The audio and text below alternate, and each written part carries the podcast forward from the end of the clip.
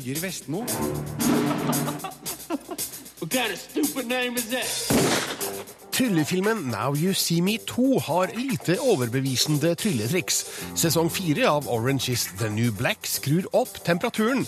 Thomas Winterbergs Kollektivet er 70-tallsmimring som burde engasjert mer. Henrik Martin Dalsbakkens Sensommer er en stemningsfull spenningsfilm, mens verken Dwayne Johnson eller Kevin Hart presterer på sitt beste i Central Intelligence. Alt det her skal anmeldes i denne utgaven av Filmpolitiet, der du òg får de viktigste nyhetene fra den store spillmessa E3, som nettopp er avslutta i Los Angeles. I tillegg skal trolljegerregissør André Øvredal fortelle om sine kommende filmprosjekter, mens sensommerregissør Henrik Martin Dalsbakken forteller hvorfor han gir ut to spillefilmer og én kortfilm på bare ett år. Filmpolitiet. Filmpolitiet anmelder film. Let the momentum of the car do the work for you. It's all in the wrist. Den første Now You See Me-filmen sleit med håpløst sprikende troverdighet. Oppfølgeren er et lite hakk bedre, men også den har en historie som er umulig å tro på, og lite overbevisende trylletriks. Regissør John M. True underholder med kjappe begivenheter over flere verdensdeler, og filmen har et strømlinjeforma uttrykk som aldri gjør den direkte kjedelig. Den har òg flinke skuespillere som tross et begredelig manus greier å spille figurer man føler et og annet for. Moroa ødelegges av et søkt plott og billig lureri som det er vanskelig å ta på alvor. Hey, Tryllekunstnerne i The Four Horsemen kommer frem fra et år i skjul når et tech-geni tvinger dem til å begå deres vanskeligste innbrudd noensinne. Daniel, spilt av Jesse Eisenberg, Dylan, spilt av Mark Ruffalo, Jack, spilt av Dave Franco, og Merritt, spilt av Woody Harrelson, får en ny kollega, nemlig Lula, spilt av Lizzie Kaplan. Sammen må de stjele en chip som gir tilgang til all verdens computere. Men en av deres fiender fra film 1, Thaddeus, spilt av Morgan Freeman, er på jakt etter hevn, samtidig som Dylan står i fare for å få blåst sitt cover i FBI. Are you listening, horsemen? You will get what's coming to you. Thank you, everybody. In ways you can't expect. Filmens fremste fortrinn er sympatiske skuespillere som oppnår en viss kjemi mellom hverandre. Det er lett å heie på Eisenberg, Ruffalo, Franco og Harrelson, mens også nykommer Kaplan hevder seg godt i mannlig selskap. Jeg skulle bare ønske at de hadde et bedre manus å spille etter. Innledningsvis handler det om mobilselskapers evne til å spionere på sine kunder. Ganske sikkert et spark til Apple og Google, men det innvikla plottet er full av merkelige motivasjoner og rare handlinger. Hvorfor enkelte figurer gjør som de gjør, er ikke lett å forstå seg på. Historien er full av lureforsøk, men stort sett forklares lureriet med tilbakeblikk som vi ikke har sett før. Jeg vil lures foran kamera, ikke i klipperommet. Now magic trick. Everyone get off the stage. Now You See Me 2 holder riktignok et litt bedre underholdningsnivå enn den første, og alt det tekniske er på stell, både når det gjelder bilde, lyd, effekter og musikk. Men når innholdet iblant føles direkte fordummende, blir ikke Now You See Me 2 mer enn akkurat passe middels grei underholdning, som er lett å fordøye og umulig å huske særlig lenge.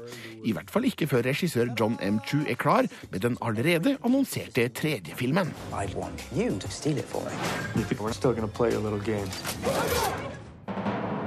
Terningkast tre. Filmpolitiet.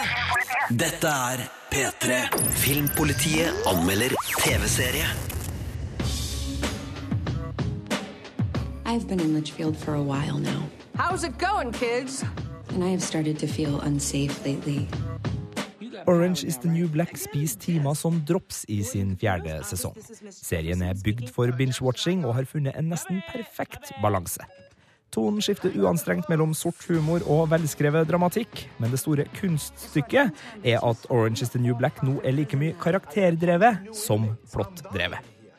De store og små spenningshistoriene fenger fortsatt. Det står mye på spill i en trykkoker som Litchfield kvinnefengsel. Og når serieskaper Genji Cohen skrur ned intensiteten i de rødglødende handlingstrådene, så er jeg nå så investert i rollefigurene at det er helt topp underholdning å følge deres hverdagsgleder og sorger. Where down we go, go. Everybody getting on each other's nerves, shit's gonna get stirred. They could just wipe us out. Det er kampen om gryn og ressurser som preger den første halvdelen av sesong fire. For å si det med synopsisstemme en dobling av antall fanger tilspisser maktkampen. En lukrativ truseforretning tiltrekker seg utfordrere. Og en ny kjendisfange gir inntjeningsmuligheter for de kreative. It's just like the Hamptons, only horrible. I'm an inmate. I have nothing. Rekrutteringa av militærveteraner som fengselsvakter er med på å sette en mørkere tone på denne sesongen. Vi er tilbake der vi var i sesong to, hvor fengselets farer og harde virkelighet setter sitt preg på alles hverdag. Jeg liker den utviklinga. Det gir umiddelbar spenning fra første episode og hjelper på seriens troverdighet. Humøret er likevel aldri langt unna, og med noen småkleine unntak treffer komikken godt som krydder på sesongens mer alvorlige klangbunn. Look at Obama. Change. He got to be president, so now the rest of us get to be in prison. Vi er nå helt forbi at det her er en serie om Piper Chapman, som spilles av Taylor Schilling. Hovedpersonen fra første sesong har nå blitt en av de mange rollefigurene vi følger, med jevne blikk. Det er bra, for Piper sitt perspektiv blir for kjedelig i lengden. Og det er nettopp gjennom sitt store og sterke rollegalleri at Orange is the New Black hekter oss på kroken. Det her er knallgodt selskap. Det her er folk vi vil henge med. People are always trying to desexualize women my age, and I just won't allow it. Good for you. Send me some goddamn COs now. Walk. Etter et par middels sesonger med House of Cards har Orange is the New Black nå tatt over plassen som den soleklart beste fråtseserien blant Netflix sine originalserier. Det om å legge bort denne serien halvveis i en sesong har nå fått samme vanskelighetsgrad som å kun spise en halv potetgullspose for meg. Og hvis du er fan, så er det bare å riste sofaputene og gjøre klar for et realt seriemaraton i helga. How am I back here? They got your number now, honey. I don't trust any of you crazy bitches. Terningkast fem. Filmpolitiet. På P3. I hvert fall én. Regissør André Øvredal slo igjennom med et veritabelt brak med Trolljegeren i 2010. Ganske raskt oppretta han kontakt med Hollywood, og flere spennende prosjekter ble igangsatt. Men så ble det stilt. Først nå, seks år etter, kommer det noe nytt fra Øvredal. Tunnelen ble vist på kortfilmfestivalen i Grimstad sist helg. En science fiction-historie som det har tatt over fire år å lage. Jeg møtte André Øvredal i Grimstad og spurte hvorfor han måtte bruke så lang tid på en tolv minutter lang film. Uh, nei, altså det er jo Vi, vi filma jo opptak Eller vi gjorde jo opptak uh, i 2012. I januar eller februar 2012. Og så har det vært veldig omfattende spesialeffektsarbeid på filmen. Uh, for det er jo en science fiction-film. Og det har vært veldig tidkrevende å komme i gang med. Vi gjorde klippen veldig fort, og så har vi måttet justere klippen etter liksom, ressursene. Så vi har drevet med masse analyser av hvordan vi skulle gjøre for det til. For det var jo Hele filmens eksistens er jo basert på at filmen vant en kortfilmpris utdelt av Storyline Studios og Gimpville, som er to etterarbeidshus, egentlig. Og vi brukte jo opp de ressursene vi egentlig hadde da, altfor tidlig. Så det ble en del ekstra, ekstra arbeid som måtte gjøres langt utover det vi egentlig hadde blitt lovt. på en måte da. Mm. Så du har brukt disse åra på å få effektene ferdig, rett og slett? Ja, egentlig. Det har vært uh, veldig tidkrevende. Men det ble veldig effektivt. For uh, halvannet år siden så begynte Gimpville å jobbe intenst med å gjøre sin andel av filmen, og Storyline jobba uh, neste halvår med, med, sin andel, og da ble det etter hvert veldig, veldig bra. Er det frustrerende at det tar sånn tid? Altså Mister du momentum på hele greia? Altså, Vi har alltid trodd på det. Når vi, har, vi visste at vi hadde et veldig bra grunnlag, for vi viste filmen bare til, til folk med bare green screen rundt de, og uten å ha spesialeffektene på plass. Og folk ble veldig grepet av filmen uten å se noe. ting. Så vi har hele tida visst at dette funker. Og det har alle. Så alle har liksom bare vært løsningsorientert og prøver å finne ut hvordan vi skal greie å gjennomføre det. Og da, jo, da har det vært uh, sånn at den, de har måttet, etterarbeidshusene har måttet satt folk på jobben imellom andre oppdrag ofte. Når de har litt pause, eller de, og da har det tatt tid, for den måtte bare justere seg. Som du sa, det er en uh, science fiction-historie. Vi møtte en familie i en uh, bil på vei hjem på en enorm motorvei. De nærmer seg en tunnel som vi etter hvert forstår at foreldrene er litt skeptiske på. Og så får de som eventuelt da ser tunnelen, finne ut eh, hvorfor det skjer. Men dette er henta fra en eh, novelle av en eh, for lengst avdød forfatter, Alice Glaser. Og hvordan kom du på at dette kunne du gjøre en kortfilm av? Altså, Jeg leste noveller som pensum på jeg må tro det var ungdomsskolen.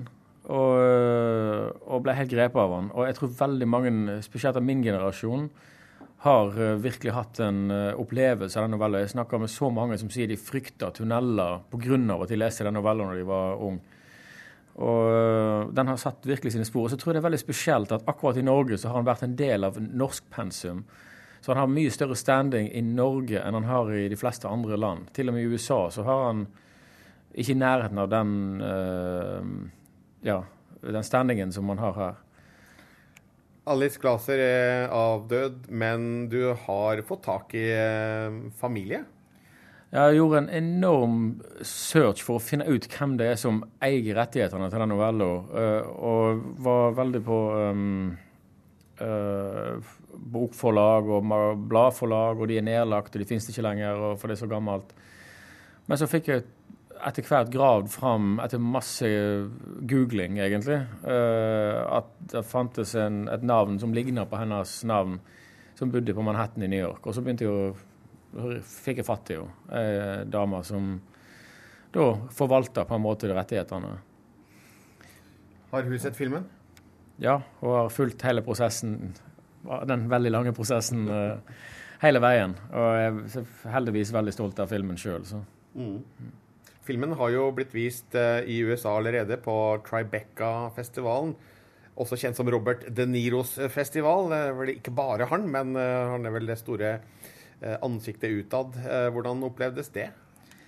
Altså Det er jo fantastisk. Først og fremst så var det veldig gøy, fordi film, altså novella er jo skrevet i Manhattan, eller på Manhattan, og den handler jo antageligvis om Manhattan. Det er mye som tyder på det.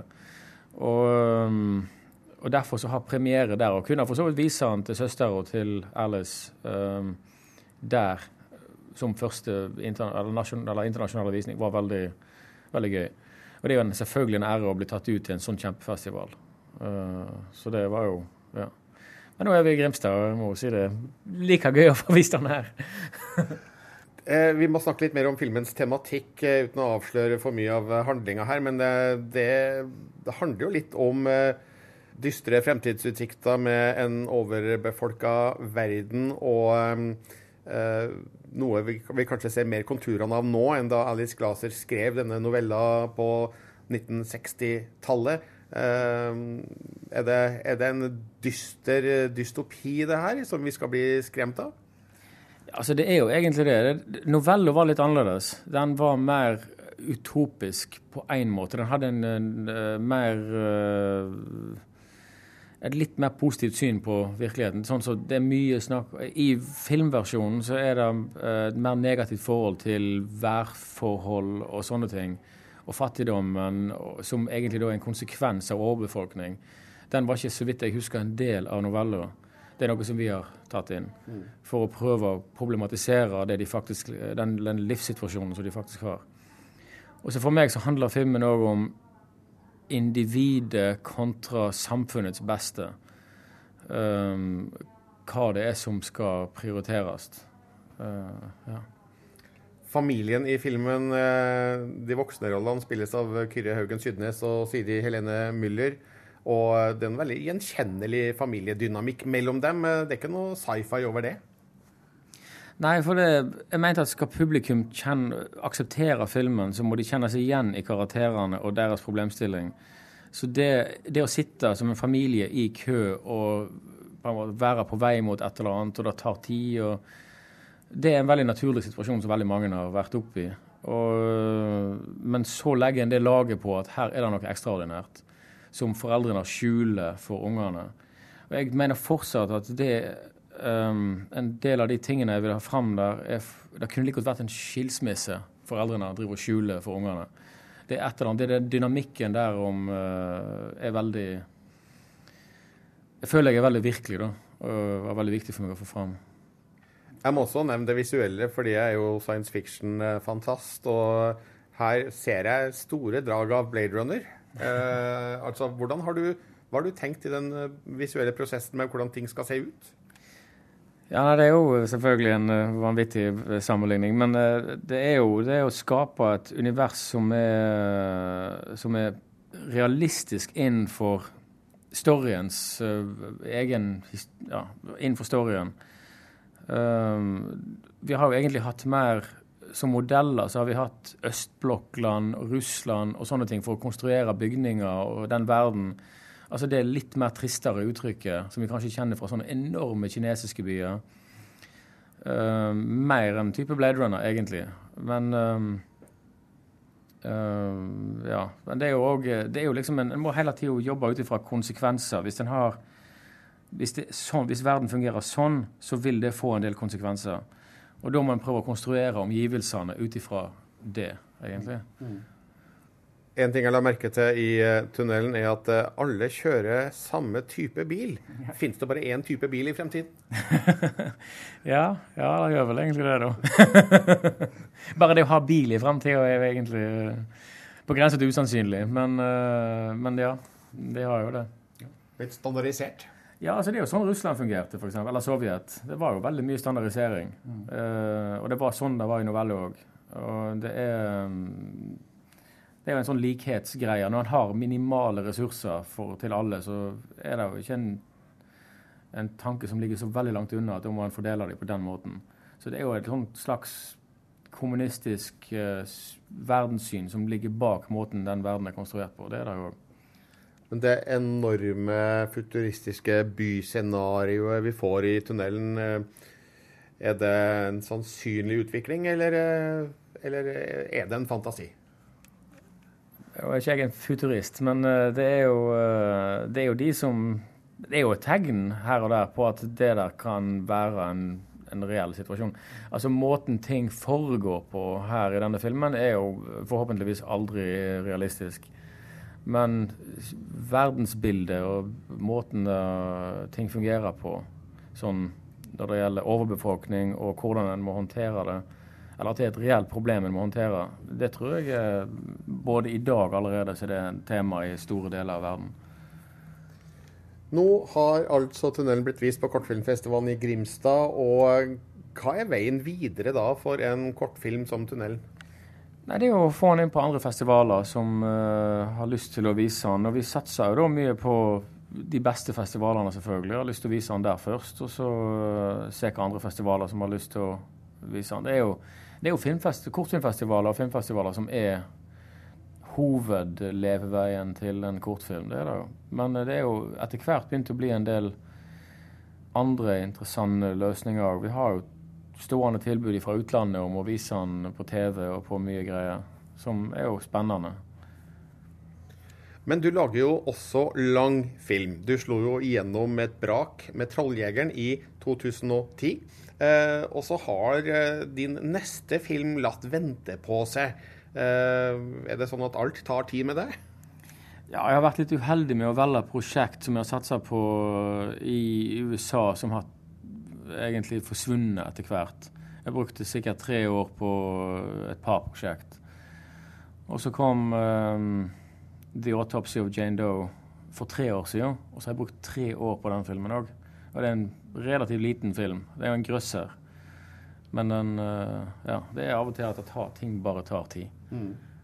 The Autopsy of Jane Doe har Brian Cox og Emil Hirsch i hovedrollene. To sterke skuespillere. Uh, og den er du nå uh, ferdig med? Ja. Vi var ferdig med den for ei uke siden. Så. Og når får vi se den? Jeg håper og regner med at det blir til høsten en gang. Hva slags eh, release er det vi kan vente oss eh, på den da? Nei, altså Det er jo SF eh, Norge som har uh, norske releasen, så jeg er spent på hva de har lyst til å gjøre med den. Men uh, jeg vet de liker den veldig godt, så jeg får håpe de Skal den også ut i andre land i verden? Ja, altså han begynner jo nok i USA først, med kinorelease der. Og så er han jo kjøpt uh, store deler av verden. Hvordan det blir fordelt, det vet ikke jeg. Det, her, det er jo veldig stor forskjell på måten studiofilmer blir uh, sluppet ut på, og mer sånn independent-filmer. Så dette her, det, det, er jo helt, to helt forskjellige måter.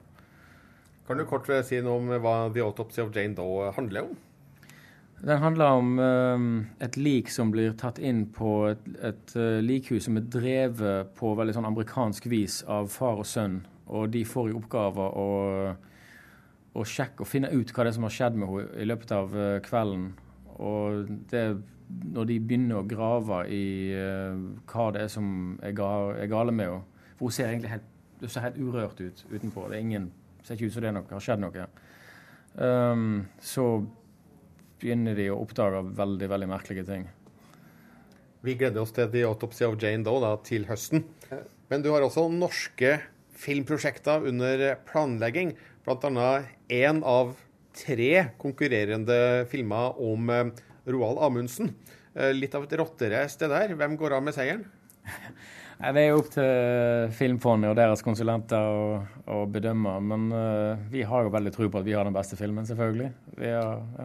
For her er det om å gjøre å være den ene filmen som får den nødvendige støtten for å få finansiert produksjonen? Ja, jeg vil ikke tro det er plass til flere enn én Amundsen-film i nær framtid. Men, uh, ja, men vi, uh, vår film heter jo 'Sydpolen' og er veldig fokusert på det verdenskjente racet. Uh, ja. Hvor skal den i så fall spilles inn? Det er jo ikke bestemt sånn sett i praksis ennå, men vi ønsker jo i prinsippet å filme i Norge. Det gjør vi jo. Det er jo det som er alltid utgangspunktet, egentlig. Du har også en um, film under planlegging om uh, Scandinavian Star-brannen. Uh, hva tenker du der? Hva, hva er målsettinga? Altså, det er jo en film som virkelig skal for meg treffe et ungt publikum med en vanvittig historie om, uh, om, om en altså en, Det er jo en konspirasjonstriller om, uh, om ting som ikke er blitt avdekka på skikkelig måte, og sannheter som aldri har kommet fram. Og det er jo en veldig, veldig dramatisk og eh, stor tragedie, i seg, eller historien i seg sjøl, om det som skjedde på Scandinavian Star. Så det er jo òg en veldig sensitiv film som håndterer håndtere det på en veldig fin måte. Så det, det er jo altså rent sånn For regissør så er det veldig, veldig, veldig spennende å håndtere det. Men skal du da holde deg til alle avdekka fakta, eller skal du le leke litt i fiksjonsuniverset der? Nei, vi, er, vi, er, vi har gjort et enormt researcharbeid over lang tid uh, i hva som egentlig kan ha skjedd, og som vi mener har skjedd, og som mange andre mener har skjedd. Uh, og der ligger det jo eh, Det ligger jo som grunnlag i manuset. Men din neste film, som eh, du går i gang med nå eh, til høsten, den heter 'Mortal'. Hva kan du si om den? Hva er det for en type film? Det er, en, det er jo en, film som egentlig er basert i norrøn mytologi, men som er satt i en moderne norsk setting.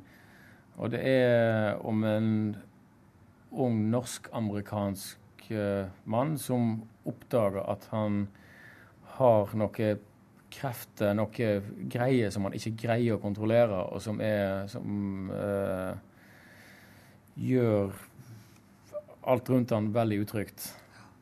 Høres ut som en um, effektfylt uh, action-spenningsfilm.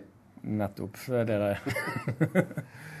Hvem uh, skal du ha i hovedrollen der? Er det noe du har klart?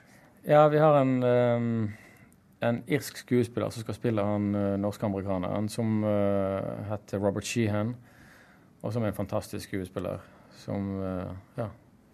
Kjenner det til å være plass til nordmenn der også? Ja, ja. Hele filmen foregår i Norge og blir spilt inn på norsk. og med, Bortsett fra hans rolle, da, med norske karakterer og skuespillere. Og, ja. og når kan vi forvente at Mortal blir klar for kinopublikum? Uh, det vet vi ikke helt ennå, men jeg vil jo tro kanskje om tidligst om et år. Uh, og den heter jo da faktisk 'Torden' på norsk. da. Men jeg er nødt til å spørre. Uh, har du tenkt på 'Trolljegeren 2'? Ja, det har jeg jo. altså, jeg har jo absolutt tenkt på 'Trolljegeren 2', og det er jo mange andre som har òg. men Ja, altså, jeg er jo, jeg er jo sjøl veldig glad i eineren eller og filmen. Uh, og har jo egentlig Hvis de skal lage en toer, så må det være en helt fantastisk god idé. Og den har jeg bare ikke kommet opp med. Men uh, du har ikke gitt opp? Nei, ikke gitt opp. men han ligger, han ligger bak i bakhodet. Men uh, ja, den uh, Jeg skulle gjerne lagd en toer hvis ideen var den rette. Filmpolitiet.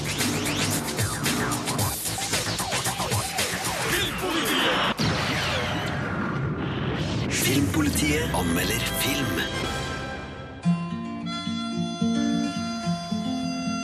Hold da op. Jeg har aldrig set så smukt et hus i hele mit liv. Kollektivet forteller om en enklere tid, der ikke alt var like enkelt som man kanskje husker det. Regissør Thomas Winterberg mimrer tilbake til 1970-tallet i en hyggelig film om frigjorte idealer, solidaritet og toleranse som får problemer i møte med virkeligheten. Den bleikner mot Winterbergs beste filmer, 'Festen og jakten', og føles litt anstrengt i sine argeste øyeblikk, men ensemblet spiller godt i en avmålt tidskoloritt som ikke overdriver slengbuksebruken eller anna 70-tall åttitallsestetikk. Jeg vil ikke hva det vil. Han er glemt det. Jeg skal ikke bo noe kollektiv. Det skal jeg altså ikke.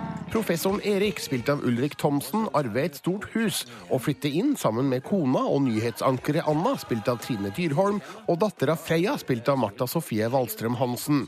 De bestemmer seg for å invitere flere venner til å bo sammen i et kollektiv.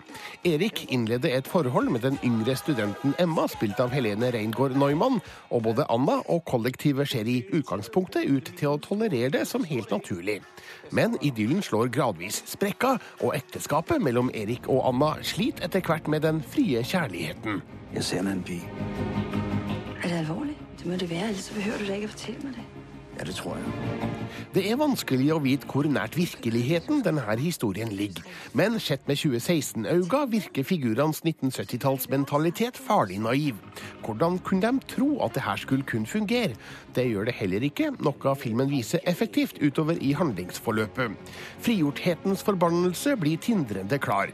Menneskers følelsesliv er ikke egnet for fri kjærlighet, endeløs solidaritet og ubegrensa toleranse. Kollektivet maler et pent bilde av kollektivets begynnelse, men riv ned illusjonen gjennom små drypp som bygger opp mot klimakset. Det tror jeg. I skal ikke bestemme, hvordan jeg skal leve mitt liv. Det skal jeg ikke. Det er mitt hus. Ja, men du har, Det er mitt hus. du har gitt det huset til fellesskapet, Erik. Vi introduseres for et knippe ulike figurer som hver og en har sine særegne trekk, godt skildra av dyktige skuespillere. Kollektivet kunne med fordel ha mora og engasjert mer, slik som Lucas Moddysons fantastiske 70-talls flashback til Samans, men Thomas Winterbergs film er uansett en ambivalent nostalgitripp som det er verdt å oppleve. Terningkast fire. Filmpolitiet. Does that sound good to you? På P3. Vi skal over til en ny norsk film her i Filmpolitiet. Den heter Sensommer, er regissert av Henrik Martin Dalsbakken, og ifølge Sigurd Vik er det her en stemningsfull og smart spenningsfilm om en gammel dame som blir innhenta av sin egen fortid. Would you like some wine, my dear? Actually, a small sip won't do any harm, I think. No, no, I, I wouldn't do that. Marcus, Anne, vi har diskutert det. it's next to nothing. Du drikker ikke det. Sensommer er en visuelt fengslende, smart og stemningsfull filmopplevelse. Bente Børsum er glimrende som den kreftsyke forfatteren Vivienne som forbereder sin død ute på den franske landsbygda. Børsum behersker rollens verdighet og eleganse i alt fra mimikk til dialog, og klarer også å få fram både den kroppslige og den åndelige engstelsen som etter hvert griper den aldrende kunstneren. Og så er hun kul. Allerede etter fem minutter har Børsum plassert hovedpersonen som både kulturelt oppegående og kledelig alternativ i en herlig liten scene hos begravelsesbyrået.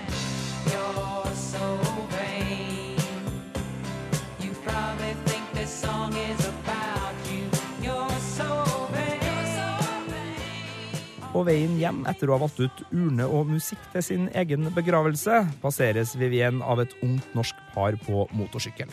Noen timer senere, etter at ei plutselig regnskur har gjort sommerdagen mørkere, banker paret på døra. Der står Markus og Isabel. De er tom for bensin og trenger ly for natta. Og det blir starten på et husbesøk som ikke er så tilfeldig som det tilsynelatende virker som. So when are you leaving? Um, Marcus had some trouble with the engine, but as soon as he's done with that, I guess we'll be out of here in no time. Good. Mye av spenninga og rollefigurenes sinnsstemning kommer fram gjennom hvordan fotografen jobber med kamera, lys og avstander i møte med skuespillerne. Regissør Henrik Martin Dalsbakken og fotograf Pål Ulvik Rokseth låner smart fra thrillerens verktøykasse, og de spenner opp flere motiver som smaker litt av suspensmesteren Alfred Hitchcock. De er ikke redd for å komponere scener som krever publikums fulle konsentrasjon, og skape flere utsøkte bilder med naturlig lys inne i Viviens gamle herskapshus. Filmen avslører spenningsmysteriet litt for stykkevis for min smak. Og det er noen brå møter og en del kunstig dialog mellom den gamle forfatteren og det unge paret. Men 'Sensommer' er likevel en film som ga meg stor glede. Tema og estetikk flyter sammen på smart og spennende vis, og Bente Børsum leverer en rollefigur som klatrer inn i toppetasjen og fester seg. Terningkast fem. Filmpolitiet På P3.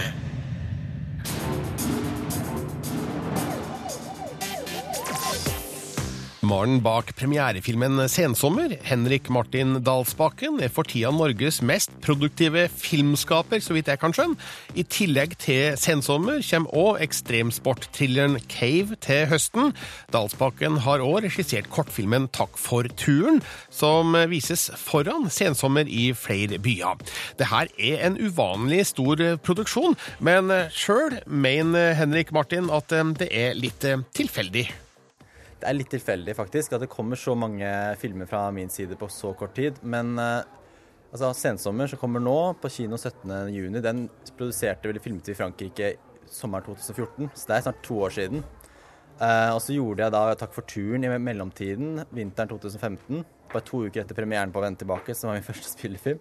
Eh, og så gjorde jeg da Cave over ja, en litt større periode fra, fra med høst og til og med nå på vårparten, eh, vinteren. Så så det er litt tilfeldig at det kommer så mange på, på og samme tid, men, men jeg har jo et høyt produktivitet altså produkt, Hva heter det? Pro, Produksjons. produksjonsnivå. Så, så Og det er sånn jeg liker å jobbe. Det er et eller annet, Jeg må liksom gjøre det når jeg føler jeg er klar for det, når jeg har momentum og når på en måte ja, alt er rigget klart. Så, så det er eh, å holde seg liksom i, i gang har alltid vært veldig viktig og riktig for meg. da.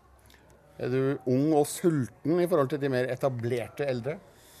Jeg er kanskje det. altså Jeg håper jeg kan opprettholde den sultenheten for å kalle det det, eh, lang tid framover. Ikke bare når jeg er ung, men også kanskje når jeg blir eldre. Og jeg, det er, det er, så- jeg tror det er litt avhengig av hvilken type du er, og hvordan du best jobber. Er, sånn, folk er jo forskjellige, og, og jeg er en veldig sånn produktiv type. Og ikke spesielt rastløs på den måten. Det handler ikke om at jeg skal gjøre mest mulig på kortest mulig tid. For jeg er opptatt av at ting skal bli bra, og jeg jobber masse hardt for at det skal bli bra. Men, men, men det er noe med, med For meg Jeg lengter alltid tilbake til opptak, og jeg lengter alltid tilbake til produksjon. fordi det er noe spesielt, den prosessen der for meg. Det å jobbe med de folkene jeg jobber med, fast hver gang. Og, og det med å fortelle historier på, i filmmedia er på en måte meg noe som jeg, det elsker jeg overalt i verden. Så det er liksom den, der, den gleden da, som bringer meg tilbake hver gang.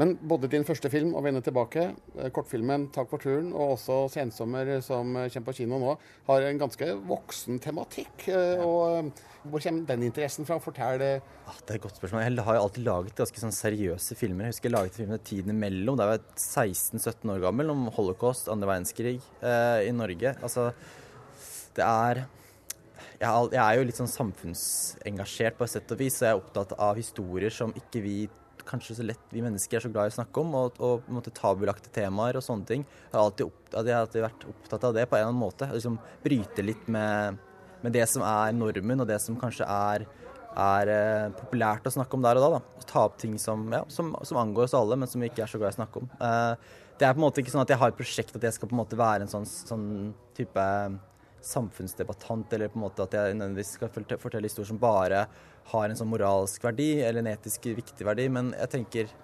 eh, det har vært veldig interessant for meg. Eh, jeg kommer nok, sånn som filmen 'Cave' som kommer til høsten, er jo en helt annen sak. Jeg, og jeg vet jeg har prosjekter kommende som, som, som bryter litt med den, mitt, mitt mønster jeg har hatt hittil. Men, men, men det kombinerer liksom de smalere kunstneriske, kanskje de, de, de med noe, et, noe på hjertet som jeg bare brenner for, med litt mer sjangerbevisste filmer som jeg også jobber med, mer kommersielle filmer. Kunne gjøre begge deler er noe jeg håper å kunne gjøre. Det, ja.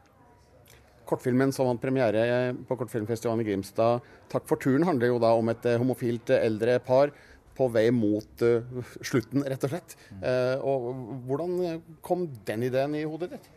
Altså Jeg husker veldig godt faktisk akkurat det. Jeg pleier ikke å huske det når jeg fikk ideen. Da satt jeg faktisk på hytta vår på Sjusjøen i Ringsaker. Eh, og så på Vinter det var vinter, februar 2014 må det ha vært. Satt jeg bare og så ut vinduet, og så fikk jeg en idé. Bare poppa, altså falt ned i hodet mitt eh, når snøen lava ned utenfor.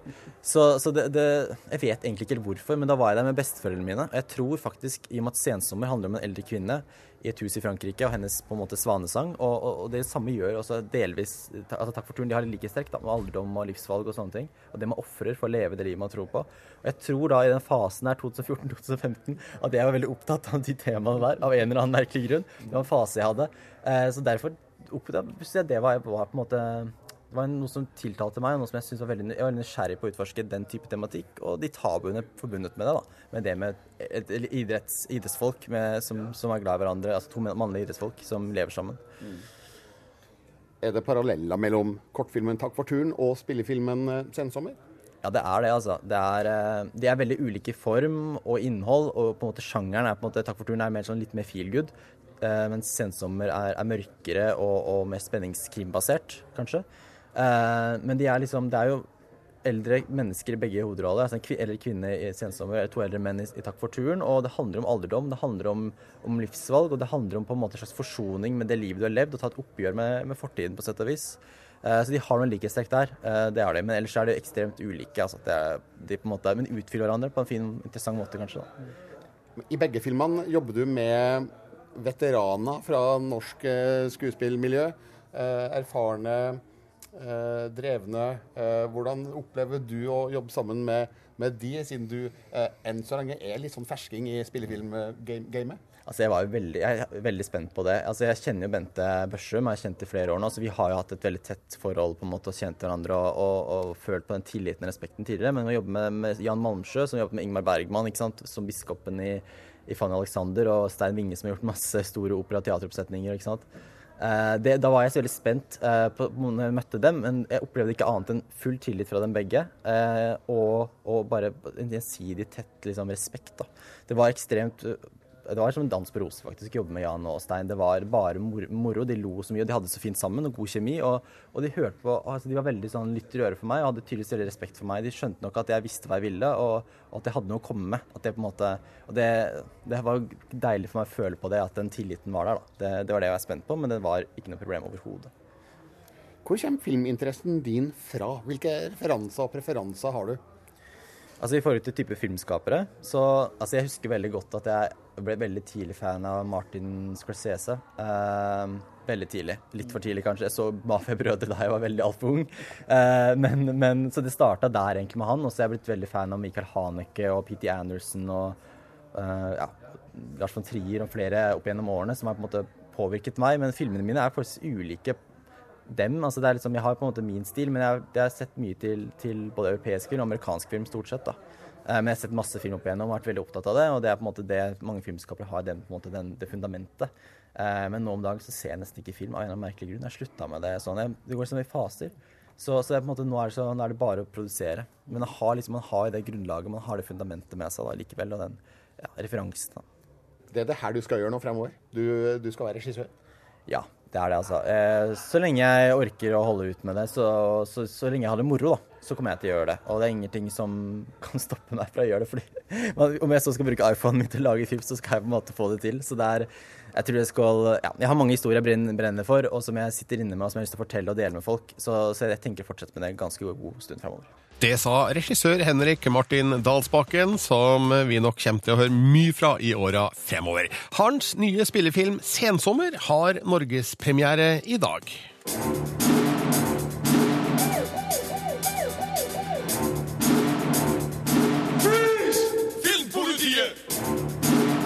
What's your name, dude? Uh, Birger Vestmo. What kind of stupid name is that? Actionstjerna Dwayne Johnson og komikeren Kevin Hart har laga en actionkomedie sammen. Den heter Central Intelligence, handler om spionasje og en high school-gjenforening. Og den første penisvitsen finner du allerede på filmplakaten. Sett og anmeldt av kollega Sigurd Vik. Filmpolitiet anmelder film. Bottom line, are you in or you out? Well, then I'm out. Actually, you're already in. Then why would you ask me? Because I thought you would go, I'm in, Bob, and we would have had a really cool moment, but you kind of ruined the whole thing. Take my gun. We may have to kill some people. Central Intelligence er en film som sikter seg inn på en velprøvd feelgood-oppskrift. En stjernetung actionkomedie med lunt humør, drøye vitser og en gladvoldelig spionhistorie i bunnen. Men eh, til tross for Hollywood-erfaring og kvalitet i alle ledd, så er det ingen av filmens stjerner som presterer opp mot sitt beste denne gangen. Dwayne The Rock Johnson har levert mye bedre av både slag og replikker enn det her. Komiker Kevin Hart har mye kulere buddycop-kjemi med Ice Cube i Ride Along-filmene, og en i utgangspunktet litt kjedelig spionhistorie rotes det enda mer når regissør Rawson Marshall Thurber prøver å hive inn litt for mange opplagte plot-twister på den siste halvtimen. I got a plan. Might get us both killed, but if it works, it'll be a totally boss story. Cool? No. No, it's not cool. Cool. No, I said it's not cool. I 1996 var Calvin Joyner, spilt av Kevin Hart, og Bob Stone, spilt av Dwayne Johnson, i hver sin ende av kulhetsskalaen da de gikk ut av high school. Calvin var den snille idrettskongen av skolen, og Bob var mobbeofferet. 20 år etter har rollene endra seg, og en jobbflau Calvin er lite lysten på å vise seg på klassens gjenforeningsfest. Men når Bob, som nå jobber i CIA, trenger hjelp til å redde USA fra en forræder, så er det bare én mann han tør å stole på, og agenten vender seg til sin gamle skolehelt for hjelp. Whoa, Calvin. It's me, Bob. Sorry, do I know you? Robbie Weirdick. From high school. God, man, look at you. You've lost like 200 pounds. What did you do? I just did one thing. I need to know. I worked out six hours a day, for the last 20 years straight. For at denne typen lettbeinte actionkomedier virkelig skal svinge for min del, så må jeg kjenne at noe står på spill. Det er tidvis vanskelig å finne i Central Intelligence. Filmen er stappfull av litt for beleilige plotthjelpere som gjør det lett å komme videre i historien, men som gjør det vanskelig å føle motivasjonen til våre hovedpersoner. Regissøren haster også gjennom karakteroppbygginga av skurke- og drittsekkgalleriet. Det gjør at de der endelige oppgjørene aldri gir oss den emosjonelle avkastninga som kjennetegner de virkelige gode filmene innen sjangeren. Med så gode skuespillere som Paul Aaron og Jason Bateman i spill, så er det trist at rollefigurene deres ikke får utvikla seg til noen du virkelig vil at skal få seg en på trynet. You were the coolest guy. You're my only friend, Calvin. You're the only one in this whole world that I trust. Likevel, det blir aldri direkte kjedelig i selskap med Hart og Johnson. De to har mye sjarm, og de skravleslåss seg gjennom 100 minutter i et tempo som makter å holde underholdningsfaktoren flytende hele veien. Men det hindrer ikke Central Intelligence fra å synke et godt stykke ned på CV-en til begge skuespillerne. Well, there's no coming back from that.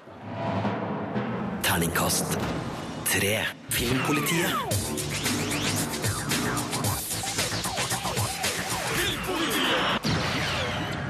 Den store spillmessa E3 er nettopp avslutta i Los Angeles, California. Hvor stor er E3 egentlig, Andreas Hatzel Opsvik? E3 er, er såpass stort at det egentlig rydder veien for alt annet i spillverden akkurat den uka her, rett og slett. Det er størst, rett og slett. det, det, er ingen som, altså det er ingen som kommer ut med noen nyheter som ikke er på E3. Nesten. Det er ingen som gir ut noen store spill. Nesten. Det, det, liksom, det bare legges flatt, og så følger alle spillinteresserte øyne med akkurat der et øyeblikk, og så begynner ting på vanlig. Du har fulgt E3 denne uka. Hva har skjedd? Den store på en måte em, konflikten, holdt jeg på å si, i hvert fall litt sånn ønska konflikt hvert år, er jo Sony mot Microsoft, og da PlayStation versus Xbox. Og jeg må vel kanskje si at PlayStation og Sony vant denne gangen, i hvert fall med litt sånn spennende spillutvalg.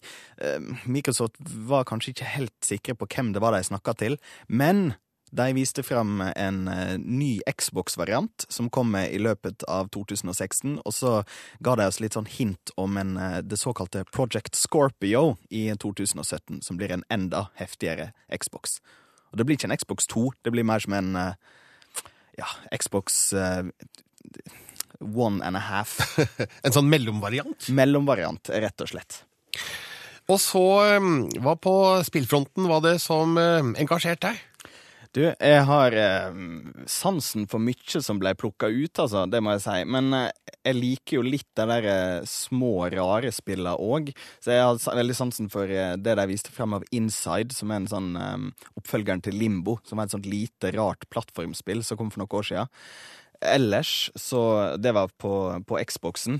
Ellers så viste jo um, Bethesda, altså gjengen som står bak Elder Scrolls-spillene og sånt, de viste frem en god del, blant annet. Men med sånne Sånne retro-ting, nesten. Eh, Det var Quake, det var Dishonored, det var Skyrim som kom i ny versjon. Altså De viste mange sånne eh, ting til spill de allerede hadde, og litt sånn oppgraderte versjoner av gamle ting. Og det er kanskje litt sånn eh, Ja, litt det som preger deler av E3. Det er veldig store og kjente merkevarer, da. Jeg hørte du nevnt Quake. La oss høre hvordan det hørtes ut da det ble lansert. Welcome to the Bethesda E3 showcase. Yes, Quake is back. We are pleased to welcome the new Xbox One S console, the smallest Xbox One yet. Yes. I'm hungry. Yes, I'm hungry. Ja, Det showes på E3, og mer av det som skjer der, får du høre etter Blue med Sandra Lyng. Dette er Filmpolitiet. Filmpolitiet på P3. Her i Filmpolitiet handler det stadig om E3, den eh, store spillmessa som eh, nettopp ble avslutta i Los Angeles. Og på E3 kan det høres omtrent sånn ut. We are Ubisoft. Happy 30th birthday, Ubi, and you guys, you know what to do. At the heart of Mass Effect Andromeda is a question How far will we go? Trials and Blood Dragon made baby together. It is out now on PC, PlayStation 4, and Xbox One. Open your eyes. Andreas Hatzel Opsvik, du har fulgt E3 hele uka, og det siste lydklippet vi hørte der, eh, Open Your Eyes, det er fra et nytt Zelda-spill. Det er fra Zelda Breath of the Wild, og jeg merker jeg får litt sånn frysning når jeg hører den der pianogreia der, for den, den ligger det veldig mye nostalgi og herlige liksom, Nintendo 64-følelser, for min del, i hvert fall. Hvordan er det Nintendo presenterer seg på, på E E3? Nei, de fleste, egentlig alle, bortsett fra Nintendo, kjører sånne store sceneshow med fantastiske effekter og liksom visuelt store, kraftige trailere.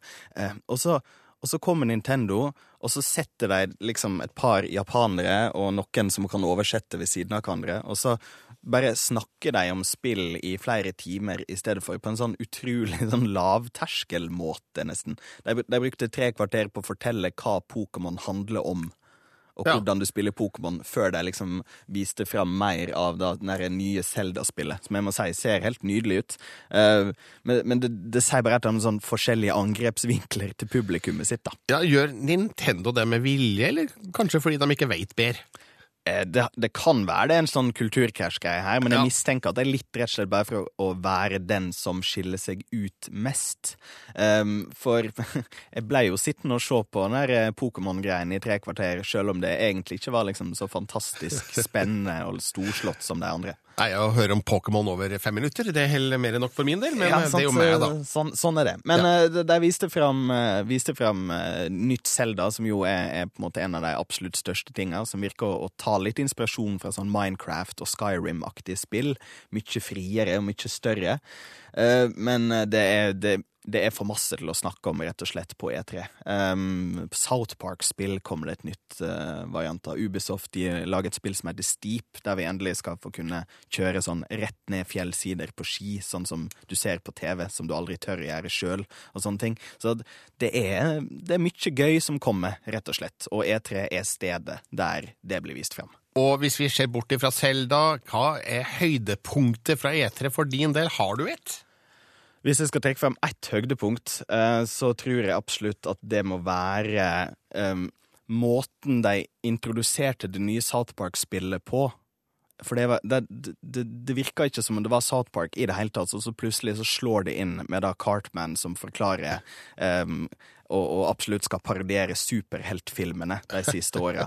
Og det er da et spill som heter Fractured But Whole, som jeg må innrømme at det tok meg en og en halv dag før jeg innså at det handla at det var Fractured Butthole. Um, jeg, tok, jeg, tok, den på to sekunder. Ja, nettopp. Du er mer erfaren enn meg på, på, på denne typen vitser. Andreas Hatzel Opsvik, takk skal du ha. Og um, mer om E3 finner du på våre nettsider p3.no Filmpolitiet. Filmpolitiet på P3. Grøsseren The Boy den fikk vekslende kritikker da den eh, kom på kino, men ble allikevel sett av nesten 38 000 nordmenn på kino. Denne uka kom den ut på Blu-ray, DVD og strømming, og vel, du kan sjekke den ut hvis du har lyst, men eh, hør først da hva jeg har å si om The Boy. Filmpolitiet anmelder film. We've had a number of potential nannies come through already. Do you think you can manage? Of course. The Boy er på all måte en gammeldags film som forsøker å hylle eldre tiders grøssere, men stivner i formen og blir en anelse kjedelig. Den er vakkert filma i effektiv scenografi, men skremmetriksene er velkjente og utdaterte. Regissør William Brent Bell gjør ikke direkte skam på seg, men burde fortalt historien med et skarpere filmspråk og mer spennende virkemidler. The Boy er inn på noe, men blir til sjuende og sist en bleik grøsser som man ikke grøsser så mye av. And this is our son, Brahms. Amerikanske Greta, spilt av Lauren Cohen, kommer til en britisk herregård der hun skal være barnepike for en gutt som heter Brahms. Det skal imidlertid vise seg at Brahms er en skummel dukke, og snart begynner det å skje flere merkelige ting i det store huset. Situasjonen tilspisser seg når Gretas voldelige ekskjæreste Cole kommer over Atlanteren for å få hun tilbake. Brahms is not like other children. It is very important that you follow these rules. Be good to him, and he'll be good to you.